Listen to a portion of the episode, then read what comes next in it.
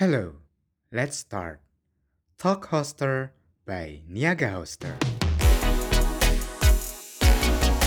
More Knowledge Monolog Sharing Online Knowledge Hai Hoster People, ketemu lagi barengan sama aku Awanda di video tutorial Niaga Hoster.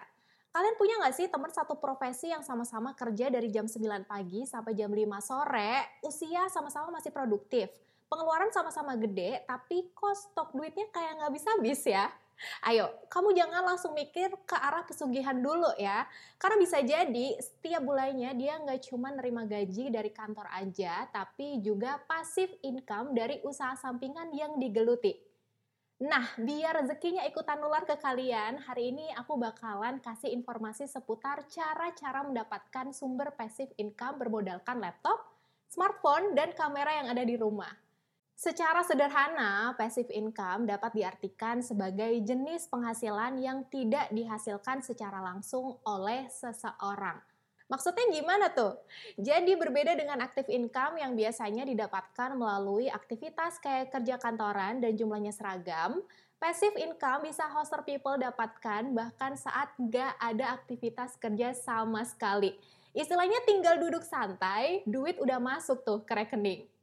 Tapi untuk sampai ke titik itu, perjuangan yang harus dilalui itu tuh nggak terbilang mudah juga. Untuk bisa menikmati passive income secara maksimal, hoster people harus menghabiskan waktu, tenaga, dan pastinya memperbanyak stok kesabaran. Misalnya, kalian punya impian dapat passive income dari hasil membuat online course, nah pasti bakalan butuh usaha ekstra nih untuk menyusun materi pembelajaran, membuat konten video, dan lain-lain. Saat orang-orang mulai mendaftarkan diri di course ini, nah baru deh hoster people bisa menikmati passive income-nya. Coba absen dulu, siapa yang mulai terinspirasi buat cari passive income setelah dengar penjelasan singkat dari Awanda tadi? Beruntung buat kita, karena di era modern seperti saat ini, banyak kesempatan yang bisa diambil buat mendapatkan passive income. Mulai dari monetisasi konten di YouTube, monetisasi tulisan di blog, sampai yang agak menantang dikit kayak menjual karya seni digital. Nah, semua bisa hoster people lakukan asal ada niat dan juga ketekunan. Biar makin terinspirasi, nih aku kasih bocoran tambahan seputar cara jitu untuk mendapatkan passive income. Yuk langsung kita ulas aja di poin-poinnya. Pertama, buat hoster people yang suka fotografi, kalian bisa mendapatkan passive income dengan cara menjual stok foto di platform seperti Shutterstock, Pexels, Unsplash, dan masih banyak lagi. Setelah mengupload dan menawarkan foto-foto hasil jepretan kalian ke platform tersebut, orang-orang yang tertarik menggunakan karya hoster people untuk kebutuhan komersil bisa langsung membelinya. Kapan lagi kan bisa dapat cuan dari hobi? Tapi sebelum memutuskan untuk menjual stok foto, perhatikan dulu nih kebijakan terkait pembagian keuntungan dan juga prosedur pembayaran yang dimiliki tiap platform ya. Setiap lagi buka Twitter atau Instagram Story, pasti ada aja deh teman yang bagi-bagi link produk kecantikan, kesehatan, sampai produk rumah tangga dari marketplace. Nah, hal-hal kayak tadi juga merupakan salah satu cara mendapatkan passive income. Namanya ikut program afiliasi. Saat seseorang bergabung dengan program afiliasi, mereka diharuskan untuk mempromosikan sebuah produk ataupun layanan. Bisa melalui sosial media, website, ataupun email.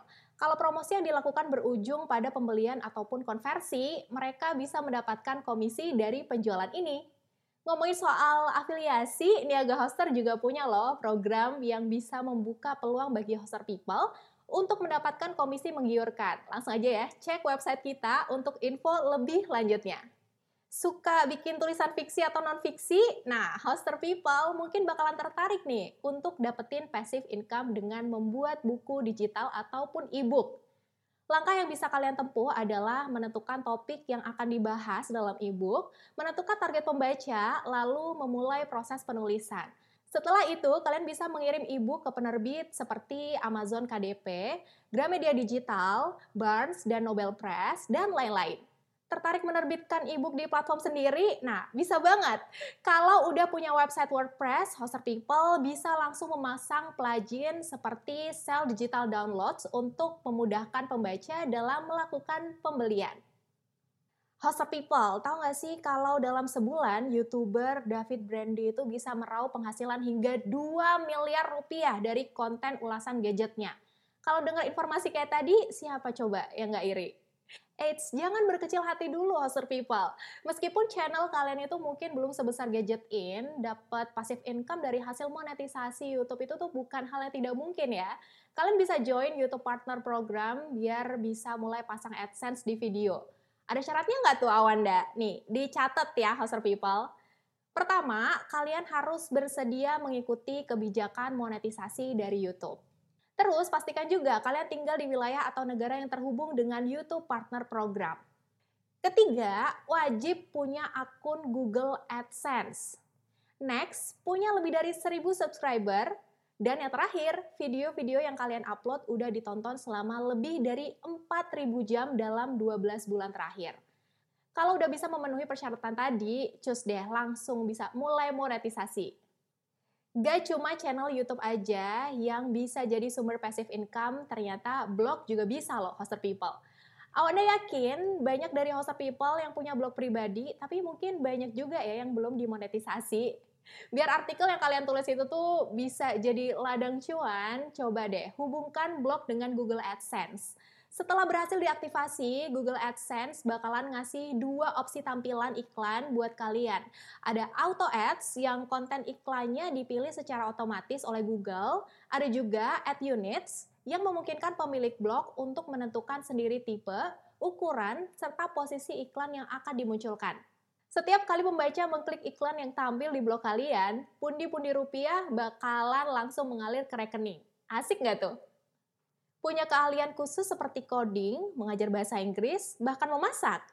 Hoster People bisa mendapatkan passive income dengan membuka online course kayak di Udemy atau Teachable. Selain menghasilkan keuntungan, aktivitas ini juga bisa menjadi ajang berbagi ilmu nih Hoster People. Biar online course yang kalian adakan bisa menarik banyak peminat, Pastikan pembahasan topiknya dilakukan secara mendalam, namun dikemas dalam materi yang mudah dipahami. Hoster People juga bisa memberikan studi kasus atau praktik agar kursusnya nggak melulu membahas soal teori. Zaman sekarang, siapa sih yang nggak kenal istilah saham, reksadana, deposito, sampai peer-to-peer lending? Buat hoster people yang tertarik sama dunia finansial, berinvestasi pasti menjadi hal yang udah kalian lakukan – Selain menjadi persiapan dana tak terduga untuk masa depan, investasi juga dikenal sebagai salah satu sumber pasif income yang menggiurkan loh. Awalnya kasih contoh ya. Misalnya, Hoster People membeli saham sebuah perusahaan di pasar modal. Nantinya keuntungan yang bakalan kalian dapat itu bisa bersumber dari dividen atau pembagian laba dari perusahaan, serta capital gain atau selisih harga beli dan harga jual.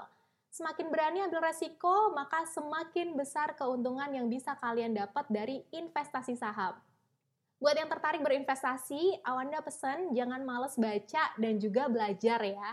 Pahami konsep dan resiko investasi dengan baik, serta pilih platform yang terpercaya biar kalian gak rugi. Kalau kalian sering dimintain tolong bikin undangan pernikahan digital, logo, sampai banner, sini, sini, merapat. Awanda punya info biar kalian punya passive income yang bisa bikin saldo di tabungan tambah banyak. Apalagi kalau bukan menjual karya seni digital. Platform seperti Etsy atau Creative Market menawarkan wadah bagi orang-orang yang tertarik menjual karya seni mereka di internet. Jenisnya beraneka ragam host people Mulai dari undangan, poster, lukisan, sampai ilustrasi, semua bisa kalian temukan di kedua platform tersebut.